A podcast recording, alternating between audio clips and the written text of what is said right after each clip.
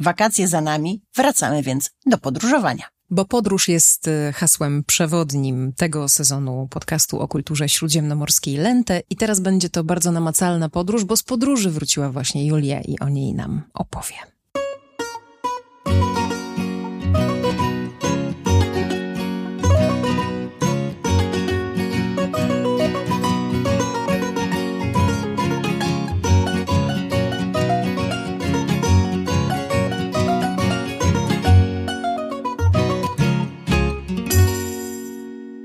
A byłaś w kraju, o którym absolutnie nic nie wiem i myślę, że wielu naszych słuchaczy, słuchaczek też wie niewiele. To jest Słowenia, mały kraj, duże możliwości, że tak pojadę PR-owo. Dobrze, to poukładajmy jakoś tę słoweńską historię. Spędziliście tam e, dwa tygodnie na e, urlopie.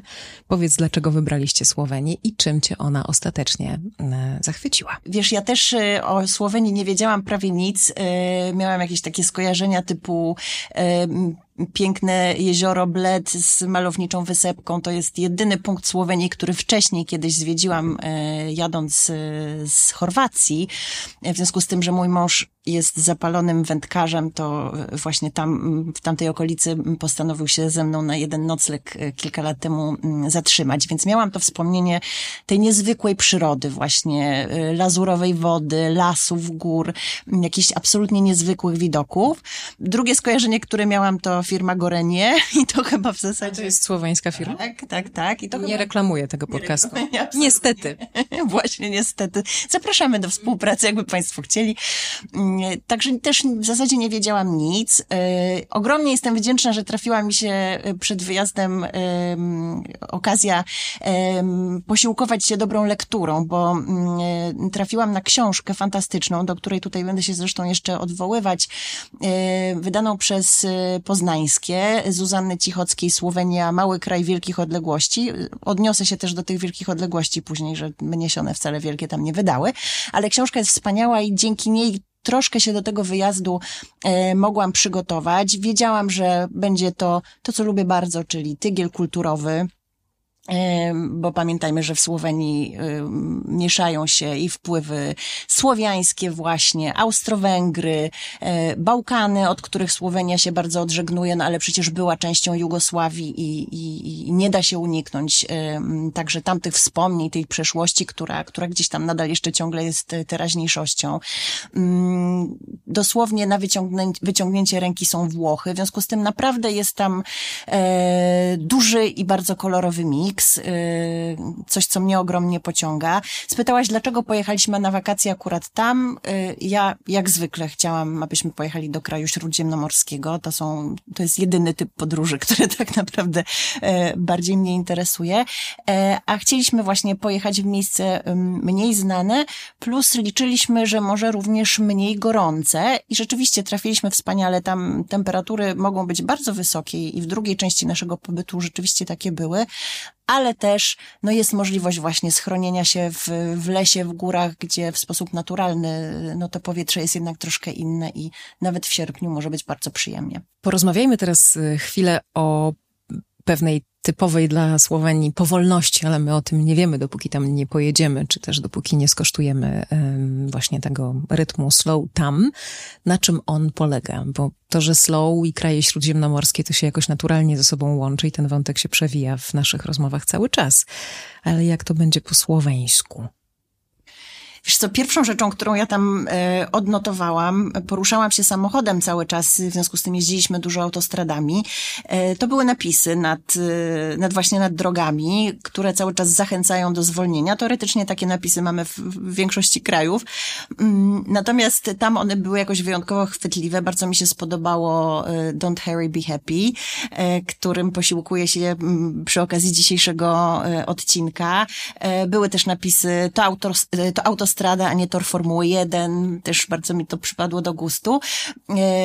Rzeczywiście oni jeżdżą powoli, e, bardzo przepisowo e, i także w, że takim, że tak powiem, życiu codziennym poza drogą mam wrażenie, że są pozbawienie absolutnie tej skłonności do pośpiechu, e, co dla nas, ja jestem osobą żyjącą dosyć szybko i, i miałam wrażenie, że wpadłam z takiego biegu do tej Słowenii, momentami mnie to wręcz nawet troszkę irytowało, e, tym bardziej mojego męża, który jest Izraelczykiem, w Izraelu żyje się bardzo, bardzo, bardzo, bardzo szybko, więc musieliśmy się chwilę przyz, poprzyzwyczajać do, do tego nowego tempa, które mam wrażenie jest tam takie programowe. To nie jest jakaś taka rozle, rozlazłość, nie wynika właśnie, nie wiem, z wysokich temperatur i długiej siesty i tak dalej. Nie jest to taka powolność właśnie typowo śródziemnomorska. Raczej taka e, właśnie przepisowość, takie poczucie, że wszystko ma swoje tempo, mm, toczy się według pewnych zasad, no i w zasadzie nie, nie trzeba robić nic, żeby, żeby, żeby to tempo przyspieszać. E, myślę też, że ma trochę związek z rozmiarami tego kraju. E, warto wiedzieć, że Słowenia jest krajem naprawdę maleńkim, bo bodajże jest porównywalna z naszym polskim województwem podlaskim. Także ma, ma rozmiary jednego województwa, tak? E, I, I trochę chyba to tak jest, że jest to mimo wszystko pod tym względem tego nastawienia do życia kraj dosyć homogeniczny. O ile właśnie w Izraelu, który też jest maleńki, ten mały rozmiar oznacza jakąś ogromną konkurencję i presję, to tam mam wrażenie, że wszyscy są właśnie tacy zjednani w tym, w tej swojej powolności. Taki, taki był mój odbiór. Oczywiście zupełnie subiektywny i, i, i może to wygląda od wewnątrz zupełnie inaczej, ale tak, mm, tak, takie y, odniosłam wrażenie. No i to, to, to, to, to, ten pośpiech, mam wrażenie, też w wielu innych e, większych kwestiach się e, przejawia, chociażby właśnie związanych z tożsamością. To jest e, taka, takie w ogóle moje odkrycie chyba największe tego wyjazdu. Kwestie granic, kwestie tożsamości.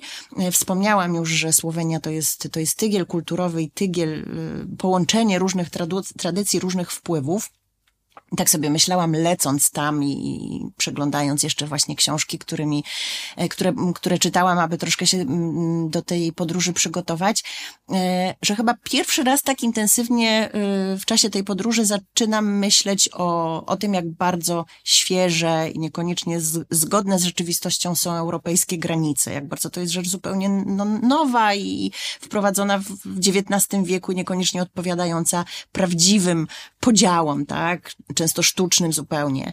E, właśnie jak bardzo płynna jest tożsamość, tożsamość narodowa, tożsamość etniczna, to jest, to jest wszystko tam bardzo takie, no, no nie ma żadnych kanciastych linii. E, od razu tutaj powiem, że właśnie ta, ta podróż zainspirowała mnie do podjęcia decyzji, że w przyszłym roku chciałabym, abyśmy w ramach tematu e, roku Lente porozmawiali o tożsamości, także nasi mili słuchacze, słuchacze podcastu są jako pierwsi poinformowani o tym, o tym wyborze. Dla mnie to też była trochę podróż do własnych korzeni w tym sensie, że chociaż nie mam, broń Boże, znaczy broń Boże, w ogóle nie mam korzeni słoweńskich, to mam korzenie austro-węgierskie. Z Austro-Węgier pochodzi rodzina mojej mamy. Mój dziadek miał nazwisko e, brzmiące po austriacku i jakoś nigdy, szczerze mówiąc, mnie w tamte strony nie ciągnęła nagle znalazłam się w kraju śródziemnomorskim, który był jednocześnie krajem właśnie austro-węgierskim w Słowenii i poczułam, że to jest ten moment, że chciałabym się tym swoim korzeniom i tej swojej przyszłości e, przyjrzeć. Więc, więc to było dla mnie niesamowite. E, I myślę sobie, że mm, byłoby pięknie spojrzeć na e, Słowenię jako taki kraj, który właśnie nie spieszy się, by cokolwiek szufladkować, no bo teoretycznie znają właśnie różne opcje etniczne, narodowe, kulturowe, różne tradycje, e, więc wiedzą, że, no, że, ten, że, że, że może być bardzo różnorodnie i że można do życia różnie podchodzić, różnie, różnie przeżywać swoją codzienność i tak dalej. Czy było tak naprawdę i czy jest tak naprawdę znowu, pewnie można z tym polemizować. Wspominałam już o bardzo dobrej książce Zuzanny Cichockiej e, o Słowenii. Zuza pisze tam, że Słoweńcy nie są e, wcale tak bardzo tolerancyjni i nie skorzy do etykietek, jakbyśmy chcieli ich widzieć. Z jednej strony jest to kraj bardzo nowoczesny, w takim sensie światopoglądowym, e, podobno najbezpieczniejszy po Norwegii, mający, zalegali, który, kraj, który zalegalizował małżeństwa jednopłciowe, mają kobietę prezydenta, także wszystko pięknie i bardzo postępowo, ale z drugiej strony na przykład niechęć do y, ludzi pochodzących z innych y, dawnych republik jugosłowiańskich jest tam podobno bardzo duża. Ja oczywiście no, nie, nie, nie mogłam tego w żaden sposób doświadczyć. E, byłam turystką i tak naprawdę no, nie byłam nawet odbierana jako turystka z Polski, tylko turystka pewnie jeszcze jakaś dziwniejsza, bo, bo jednak mówimy po angielsku w mojej rodzinie. E, no ale podobno właśnie ta e, skłonność jednak do, do dzielenia świata na wschód, zachód jest tam, jest tam jeszcze ciągle bardzo bardzo, bardzo obecna. Mm, także to do sprawdzenia, do przemyślenia i, i, i tutaj się nie wypowiadam. E, na pewno z takiego turystycznego mojego punktu widzenia e, te wpływy się tam bardzo malowniczo mieszają i, i, i każdy z tych wpływów ma możliwość wyrażenia się, pokazania. Pierwszy wieczór spędzaliśmy w miasteczku, które nazywa się Nowa Gorica, które jest miasteczkiem półwłoskim, bo dosłownie jest tak, że część leży po stronie włoskiej, to trochę tak jak Cieszyn nasz, tak? E, I część nazywa się Nowa Gorica, część nazywa się Goricja i, i jest już włoskie. E, poszliśmy głodni do, do piekarni i, i na wejściu do piekarni na, na, na szybie e, figurują specjalności, specjalności zakładu jest to pizza, burek i apfelstrudel. I, i, I nie jest to, że tak powiem, taki lokal, jak u nas też się w Polsce czasem spotyka, tak? Pizza i kebab, czyli generalnie pomieszanie z poplątaniem, tylko naprawdę każda z tych trzech rzeczy była tam przepyszna, bo spróbowałam e, i, i, i rzeczywiście mogła być absolutnie tą specjalnością zakładu. Dla mnie wizyta w Słowenii, e, którą mm, z wielką e, przyjemnością odkrywałam i, i, i starałam się z tych dwóch tygodni jak najwięcej słoweńskiego dla siebie wyciągnąć, jednocześnie była okazją do spotkania z Włochami, bo tak jak powiedziałam, te, te włoskie wpływy tam też są bardzo widoczne i ten, te Włochy są naprawdę na wyciągnięcie ręki. Moim odkryciem lata jest Triest, który jest położony od słoweńskiej granicy dosłownie kilkanaście kilometrów. W zasadzie trudno, w związku z tym, że granic, jak Państwo wiedzą, dzisiaj nie ma, to trudno wyczuć, czy jesteśmy nadal w Słowenii, czy już we Włoszech. E, no a język, jaki jest w ogóle słoweński? Słoweński jest językiem słowiańskim. No dla mnie brzmi tak, jak słyszałam z daleka, to miałam momentami nawet wrażenie, że być może o, idą Polacy, bo jest jakaś taka melodia, prawda, która no, brzmi bardzo znajomo. Co ciekawe, później mm, już jak się przybliżałam, to nie rozumiałam prawie nic. Oczywiście są e, słowa, wyrażenia takie nawet e, często używane, które, które dla nas brzmią bardzo swojsko, tak? Dobry dzień na przykład chociażby. No ale już dziękuję, to jest chwala i, i, i już tutaj mamy e, zdecydowanie te bardziej południowe brzmienia. E, piszą alfabetem e, łacińskim, także można się mm, posiłkować czytaniem, bo wiadomo, jak coś przeczytamy, to zawsze jest łatwiej. No ale rzeczywiście są w dużej mierze dwujęzyczni. Bardzo dużo ludzi mówi po włosku i ja się w wielu miejscach po włosku dogadywałam, szczególnie w tej części nadmorskiej, czyli właśnie koło Triestu, Istria. Mm, spędziliśmy kilka dni w tej okolicy mm, Koper, czyli dla Włochów Capodistria. Przepiękny pir Piran, też moje kolejne odkrycie, bardzo weneckie miejsce, wszędzie weneckie lwy, weneckie światło, Tartini na głównym placu, włoski e, kompozytor barokowy. Urodzony w Słowenii, to dodajmy jeszcze urodzony w Piranie, który był wówczas włoski, tak? A, no to dlatego te granice nam wszystko zamazały, okej. Okay. Tak, tak, no to jest miasto dzisiaj e, słoweńskie, ale było to kiedyś miasto należące do Wenecji, tak? I, i, i tak właśnie w, takim, w takiej konfiguracji tworzył Tartini. E, tak samo Koper, no to jest miasto, tak jak mówię, które Włosi nadal, nadal dzisiaj e, nazywają Capodistria i, i uważają je w zasadzie za swoje. I rzeczywiście w, czy w pensjonacie, w hotelu, w którym się zatrzymywaliśmy, czy w, w restauracjach, wszyscy wszyscy absolutnie mówią po włosku. Jedni z lepszym, inni z gorszym akcentem, ale, ale płynnie i, i no w zasadzie czułam się jak w domu. E, także, także, także te Włochy też są tam e, bardzo w tej części nadmorskiej e, obecne. Mówiłam o tej tolerancji, o tej, o tym nastawieniu do, do przyjezdnych.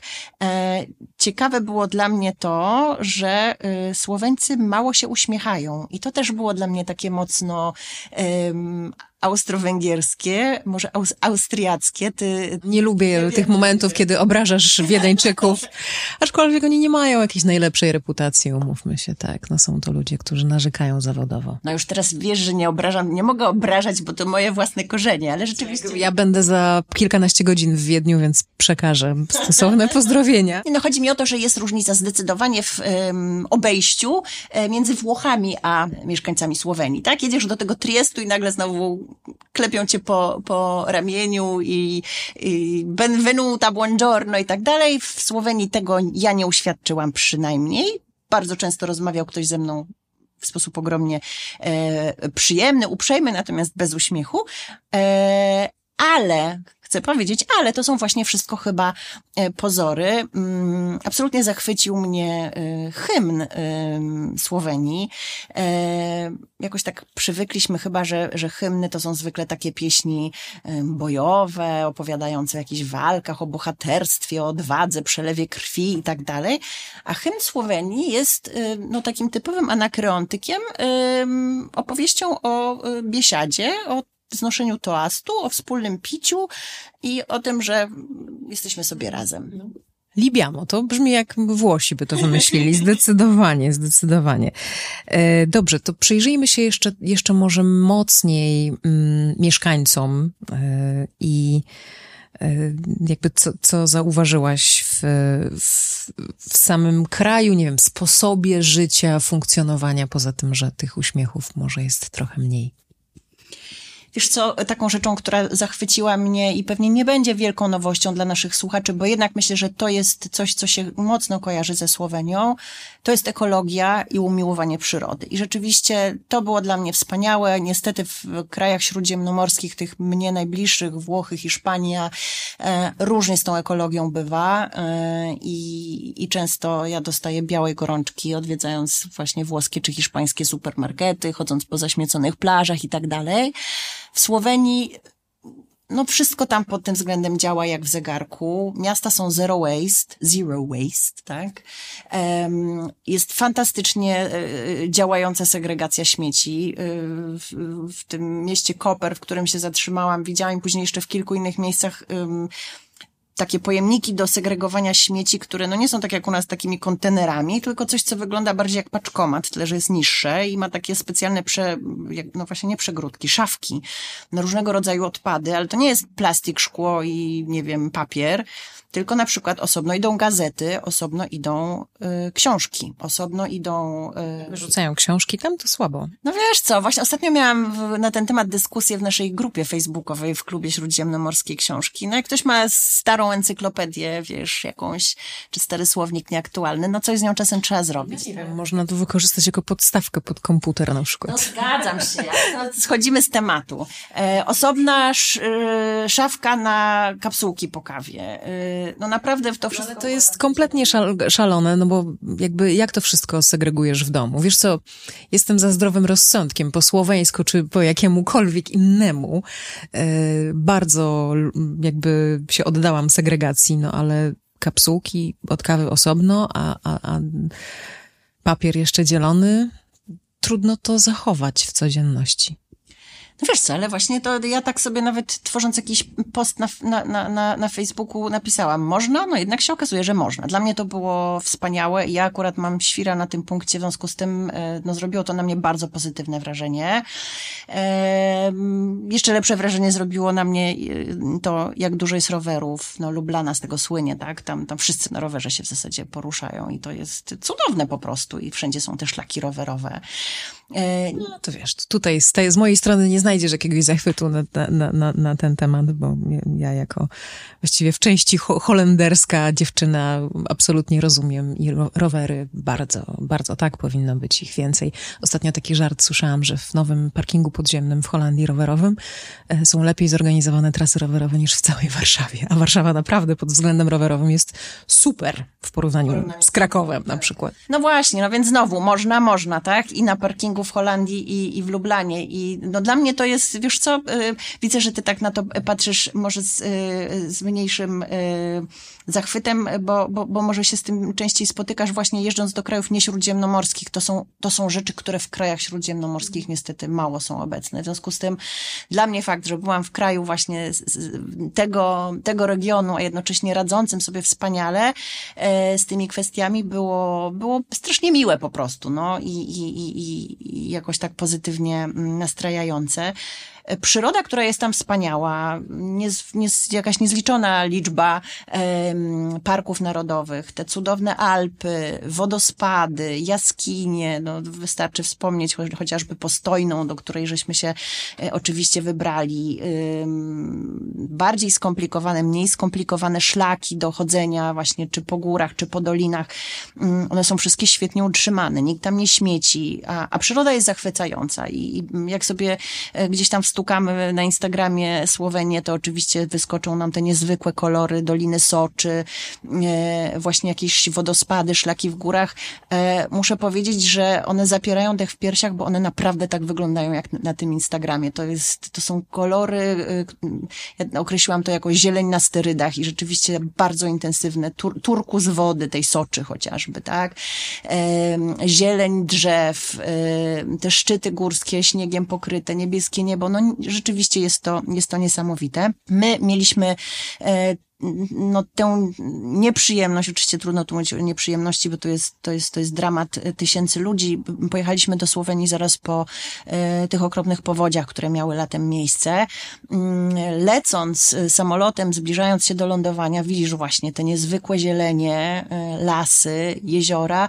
No i myśmy niestety widzieli również y, brązowe, zamulone rzeki. Do wielu pięknych miejsc nie udało nam się po prostu dojechać, więc nie zrobię tutaj jakiegoś niezwykłego przeglądu miejsc, które, które możecie znaleźć w przewodnikach, bo, bo niestety wiele miejsc było niedostępnych, o ile do miast i miasteczek można y, było się dostać bez problemu. W większości to już właśnie te różne skarby natury, mm, no niestety pozostają y, dla nas, pozostają przez nas nieodkryte, mam nadzieję, że przy następnej okazji.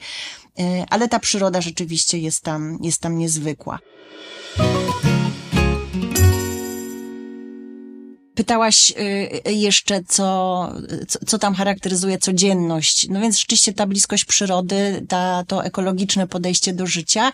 E, z, jedno, z jednej strony właśnie taka nowoczesność, o której też już w tym, z tego punktu widzenia światopoglądowego mówiłam, z drugiej strony bliskość przeszłości. I tam i z jednej strony mamy zabytki rzymskie, które są prawie że na każdym kroku, w każdym miasteczku w zasadzie, y, czy jakiś amfiteatr, czy jakieś inne wykopaliska, nie wiem, właśnie przy jednym z parkingów, na którym żeśmy się zatrzymali, była na przykład nekropolia rzymska i w zasadzie wśród samochodów rzymskie nagrobki.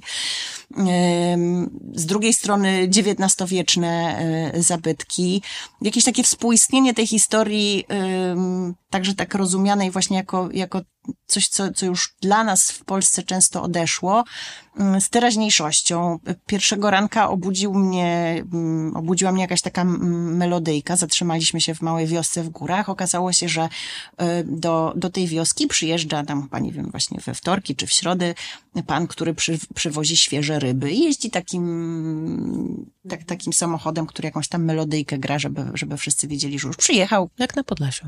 No widzisz, to są rzeczy, których y, ja, mieszkając w Warszawie, w wielkim mieście, niestety nie oświadczam i które mnie jakoś poruszają, na które zwracam uwagę.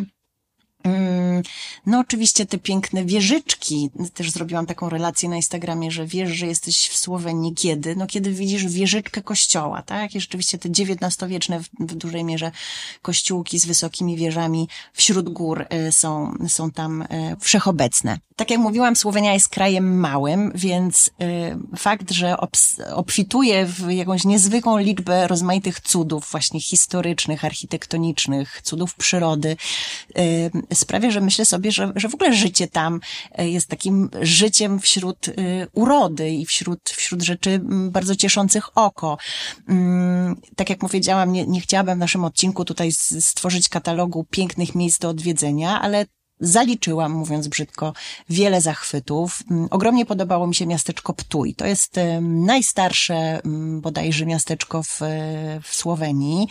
Rzeczywiście przebogate w historię starożytną. E, akurat przed samym moim wyjazdem stamtąd rozpoczynały się takie dni rzymskie, kiedy organizowane są różnego rodzaju rekonstrukcje rzymskich wydarzeń, różnych gier, bitew. Ludzie przebierają się w rzymskie stroje, jakieś biesiady na ulicach. Taka rzecz, do której będę chciała na pewno wrócić, bo, e, bo bardzo lubię takie rekonstru rekonstrukcje archeologiczne. To, co mnie zachwyciło w Ptuju, to również fakt, bo mnie nazwa.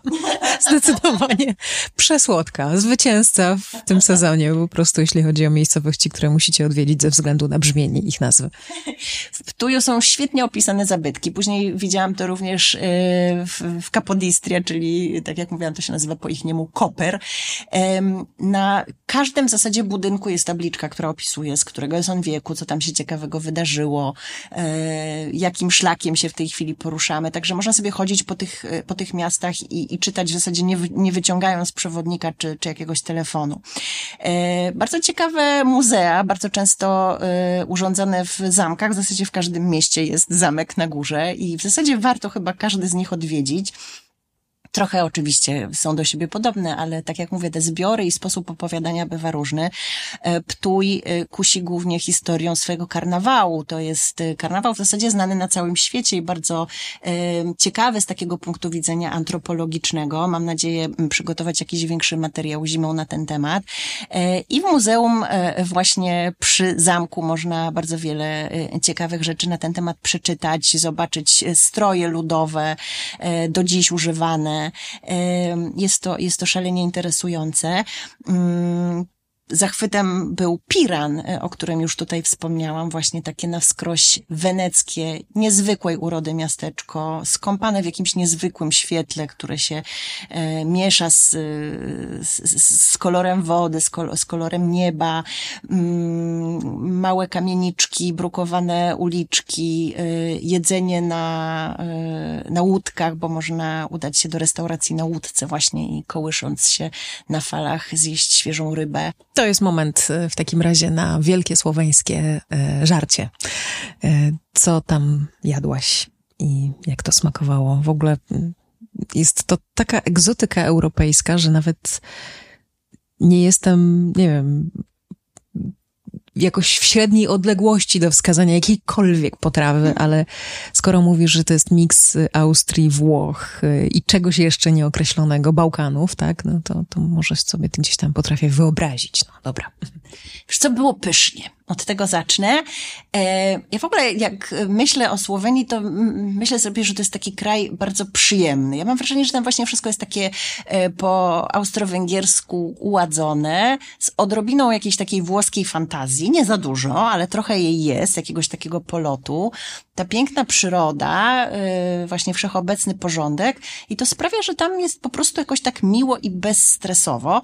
Mm, I podobne, podobnie jest w kuchni jedzenie, gdzie nie pójdziesz, y, jest bardzo smaczne, świeżutkie. Nie miałam ani jednej jakiejś takiej wpadki, żebym dostała coś, yy, no właśnie, nie, nie, niesmacznego, żadnych jakichś takich, jak to się mówi teraz, tourist trap, tak, czyli pułapek na, na turystów. Nic takiego nie uświadczyłam, yy, co jednak często się zdarza w, chociażby we Włoszech przecież. Yy, sami Słoweńcy się śmieją, że ich kuchnia yy, to jest mieszanka yy, gulaszu, pizzy i sznycla i rzeczywiście troszkę tak jest, że, że te właśnie te trzy wpływy są tam najbardziej obecne. E, oczywiście specjały regionalne. W związku z tym, że oni tak bardzo dbają o ekologię, to ogromnie dbają o to, żeby jeść lokalnie, zgodnie z kalendarzem, czyli sezonowo. E, I w każdym z regionów, w którym się zatrzymaliśmy, jedliśmy troszkę inaczej. Mm, tak takie wrażenie, które towarzyszyło mi w zasadzie wszędzie jest, że jest takie, że je się dużo mięsa i w zasadzie gdzie nie poszliśmy, a chodziliśmy głównie do restauracji takich, które pole, polecali nam tubylcy albo o których się mówiło, że serwują rzeczywiście kuchnię lokalną. Mm to wszędzie nam proponowano mięso i, i, i ono tam było bardzo obecne. E, wspaniały nabiał, bardzo dużo pysznych jogurtów, e, szczególnie właśnie mm, ten pierwszy nas, przy, przy, nasz pierwszy przystanek tam zaraz przy włoskiej granicy, ale nie w tej najbardziej nadmorskiej części. Jakaś taka mnogość różnych rodzajów jogurtów, kefirów, maślanek. Nigdy czegoś takiego nie widziałam i rzeczywiście wszystko przepyszne.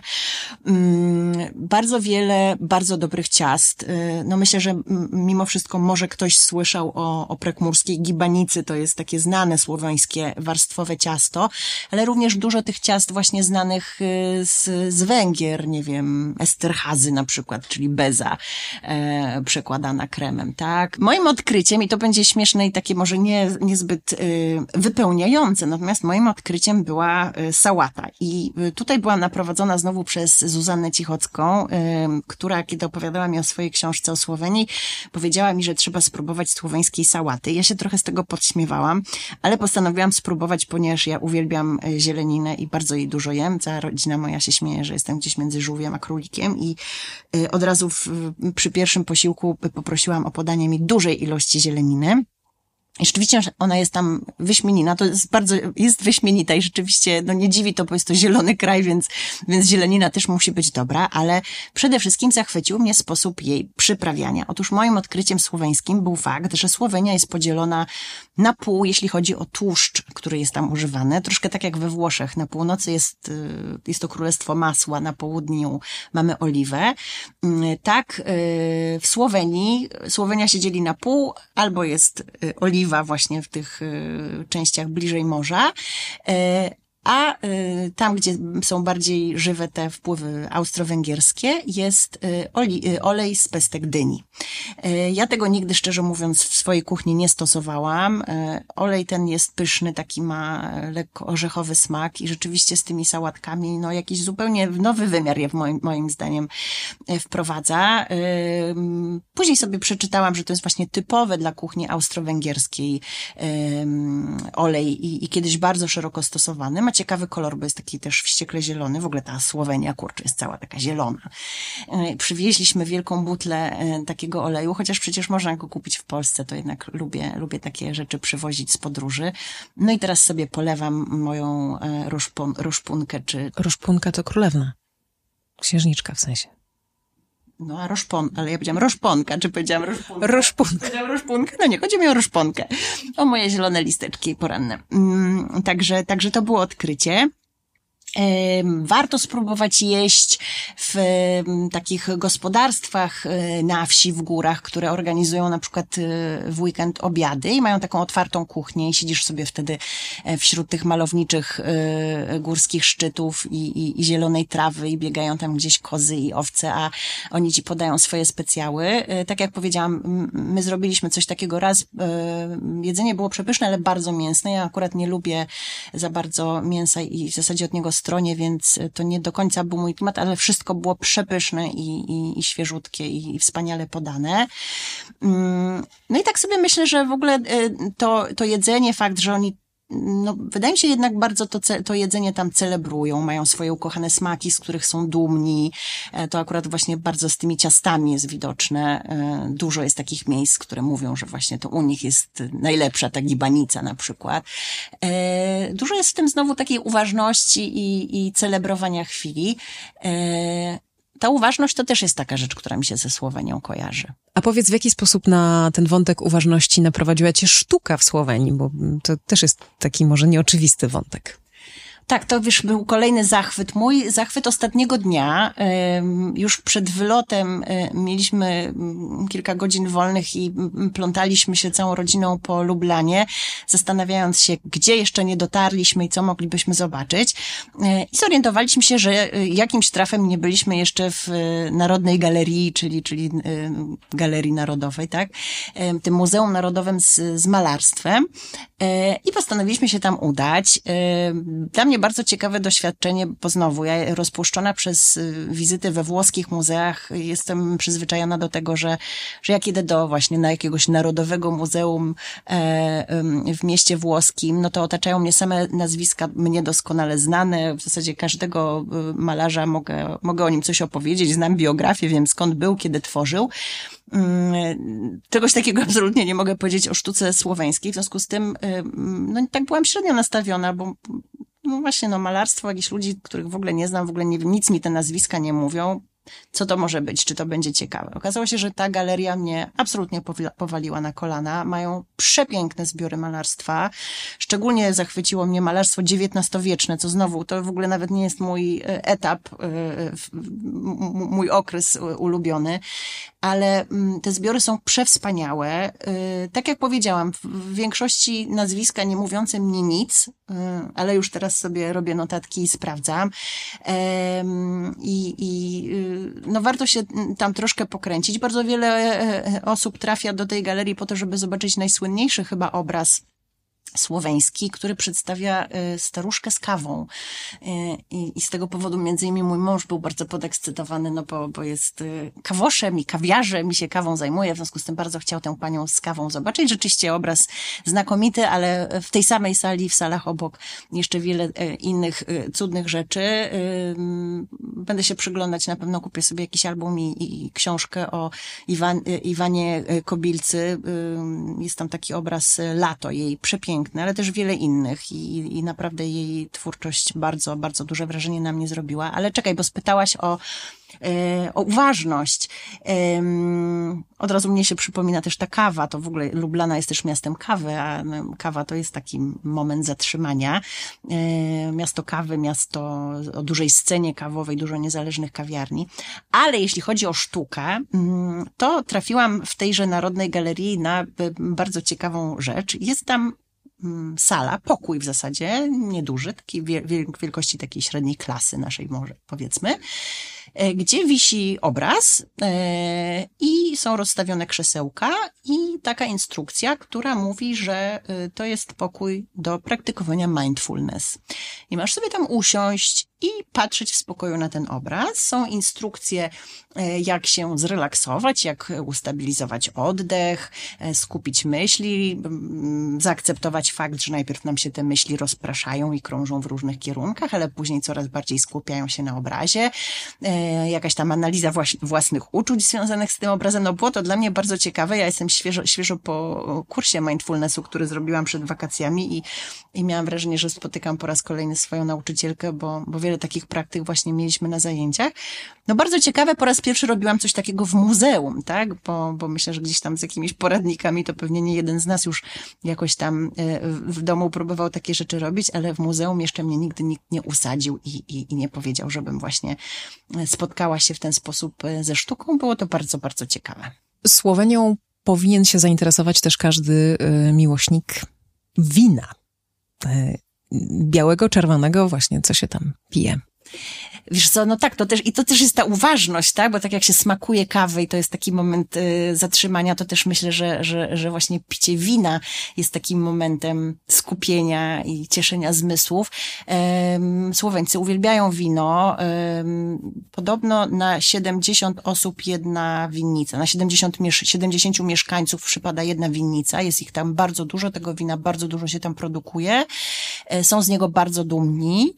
E, niestety ja nie dotarłam do żadnych winnic ani winiarni właśnie ze względu na te problemy powodziowe, natomiast dotarłam do Mariboru, gdzie znajduje się najstarsza winorośl na świecie. Mm, kiedy badano ją w latach 70., y, oceniono, że mm, no ma zapewne około mm, pół tysiąca lat, nie wiem, no gdzieś tam myślę, że z około 1500 roku e, pochodzi. Na pewno jest widoczna na obrazie, który można tam e, podziwiać, a pochodzącym z roku 1600 jest, jest już tam widoczna, już sobie tam rośnie, no więc musi być starsza niż to.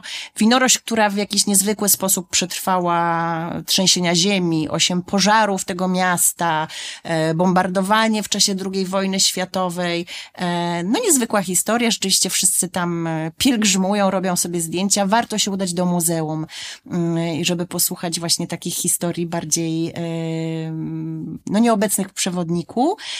Czy warto tego akurat wina spróbować? Podobno nie. Zresztą się nie da, bo mm, zbiera się te winogrona, ale to wino jest w całości przeznaczane na jakieś polityczne e, podarunki dla, dla ważnych osób i, i, i właśnie dla różnych VIP-ów.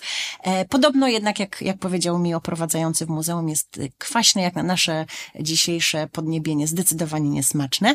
Natomiast e, myślę, że warto popróbować innych, innych słoweńskich win i to jest pewnie też taki szlak, którym warto ten kraj zwiedzić. No bardzo przyjemny. Kolejny tutaj właśnie żeśmy podrzuciły w związku z tym ślad. Jak napisać Słowenia, to będzie tam słowo love, co Julia odkryła i teraz y, z przyjemnością tutaj promuje ten kraj właśnie w taki sposób. Y. Bardzo ciekawy kraj, tak jak powiedziałam, bardzo przyjemny, bardzo relaksujący, doskonały na wakacje, doskonały na takie, taki wyjazd, podczas którego chcemy się czegoś nauczyć. Ja mam wrażenie, że odkryłam tam zupełnie nowe w ogóle kierunki um, różnych doświadczeń i, i rzeczy, których, chciała, których chciałabym poznać. E, a przy tym no mimo wszystko jednak dosyć nieoczywisty. I znowu odwołam się do Zuzy Cichockiej, która cytuje w swojej książce słynnego pisarza, eseisty Drago Janczara, który powiedział, że Słowenia to najbardziej e, skomplikowany zakątek Europy i nawet ci, którzy tam żyją, nie potrafią go zrozumieć. W związku z tym myślę, że ani ty, ani ja, ani nasi słuchacze e, też nie powinni próbować go zrozumieć, tylko powinni korzystać, podziwiać, cieszyć się. Polecam na wyjazd.